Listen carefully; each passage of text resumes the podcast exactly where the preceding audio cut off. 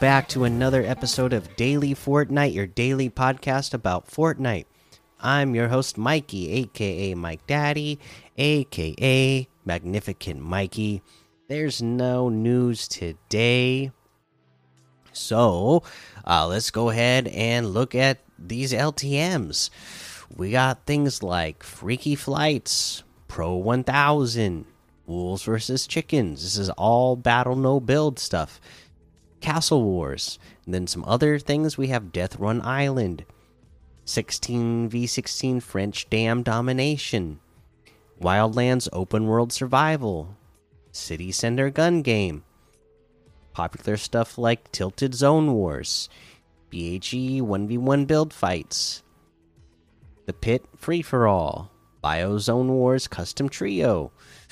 We got parkour stuff like 500 level candy parkour, sprint and climb death run, parkour city tag, parkour fun run. Uh, we can go all the way down to see what's new in here. We got stuff like Pizza Pit Tycoon new manager role, Fish Stick versus Peely, Infinite box fights and zone wars, Alien gun game, Fatal four way, 1v1v1v1 build fights. All right. Of course, there's a whole lot more to be discovered in the Discover tab. Let's go ahead and cover one of these quests from uh, chapter three, season. I mean, yeah, chapter three, season two, week three here. uh, I've already got it done, but one of them uh, you need to mod a vehicle with a cow catcher pretty simple to do. You just have to have a cow catcher, right? That's the trick to this. you just have to pick one up, throw it on a vehicle. Now, a great place to go for that is Chonker Speedway because there's already a lot of vehicles there and there's some garages there and lots of toolboxes there to be able to uh, find a cow catcher more easily and throw one on there. Uh, and then, of course, there's like gas stations all over the island. Go to the gas stations at, you know, so many different locations, and you will uh, also have an easier time of finding cow catchers in uh, those locations as well. Uh, let's go ahead and head on over to that item shop and see what we have in the item shop today. We got stuff like the Assassin's Creed items are still here. Uh, oh, instead of the soccer outfits, now we have the ski outfits. Each of these outfits are are 1,500 V bucks each, depending on which version you want. We also have the ski boot harvesting tool for 800 V bucks. Uh, we have the slalom emote for 500 V bucks. Boom, boom, boom, boom, boom, boom. We got bundles of the outfits as well of the ski outfits. Uh, you can get them. The bundles come uh, at, for 2,100 V bucks in total, which is 900 off the total if you were to get uh, the bundle, the items in the bundle separately. Uh, and then we have the Diamond Hands outfit with the Gains back bling for 1,200. The Monk's outfit with the Peel Pack back bling for 1,200. The El Dorado back bling for 200. The Wiggle emote for 500. It's a Vibe emote for 300. Sasquatch emote for 200. Uh, we have the I Like to Move It emote for 500. Axo outfit with the neon backboard backbling for 1200. The Brian outfit with the coral cowl backbling for 1200. The axolotl harvesting tool for 500. The Lapis trident harvesting tool for 500. Chaos agent outfit with uh, the ooze chamber backbling for 1500. The chaos scythe harvesting tool for 800. Black ooze wrap for 500.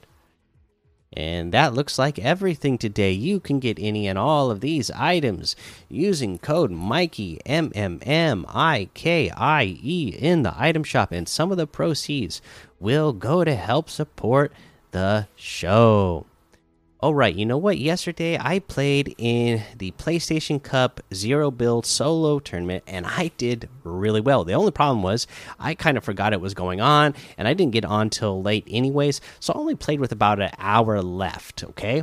But even with that, I got a victory royale, scored over 30 points in that match, and uh with the couple other higher placements uh, that I got in a couple other matches, uh, you know, I wasn't far off from, you know, if I would keep on that trajectory and I actually played like a full 10 games, uh, already with the amount of games that I did play, I wasn't far off from other people who played uh, the full 10 games. I was looking throughout the leaderboard, and uh, pretty much everybody that was in the top 100 played the full uh, 10 games and i had uh, more than half of what like the you know the bottom 100 you know like number 100 was getting. So i was like okay you know if if you have a, a full amount of time maybe there's a chance you could do it.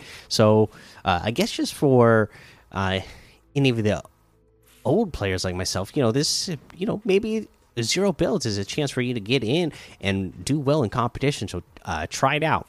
But that being said, for a tip, you know, if you are wanting to get in to zero build, there there's some things that you got to know. I mean, still the basic things apply to what we've done in the past. You know, of your your game IQ, your game sense. You need to know where players have played are dropping across the map. Uh, for instance, uh, I'm looking at the map right now, and I'm going to say it's going from south to north, uh, straight uh, up the middle. Okay, so say it's going to go right in between Synapse Station, Chonker Speedway, Rocky Reels, uh, right uh, next to Tilted Towers, Coney Crossroads, Shifty Shafts, and Sleepy Sound. It's going right next to all those. Those places are going to be the places that are probably the most uh, occupied. So if I'm going to pick a drop spot and I don't want to like get into a bunch of fights right away so that I can get higher placement points, uh, you know, I might want to drop somewhere further away on the west side or on the east side of the island. So uh, somewhere a little bit less crowded. And then from that point, say, okay, so say, you know, it's it the bus is making that trajectory. So I decide to land uh we'll say over at Camp Cuddle. I'm over on the west side. Now, say uh, the the next zone, I'm going to have to travel. Say the the zone goes all the way over onto the southeast side of the island. Okay, we know that it went from south to north, straight up the middle of the map.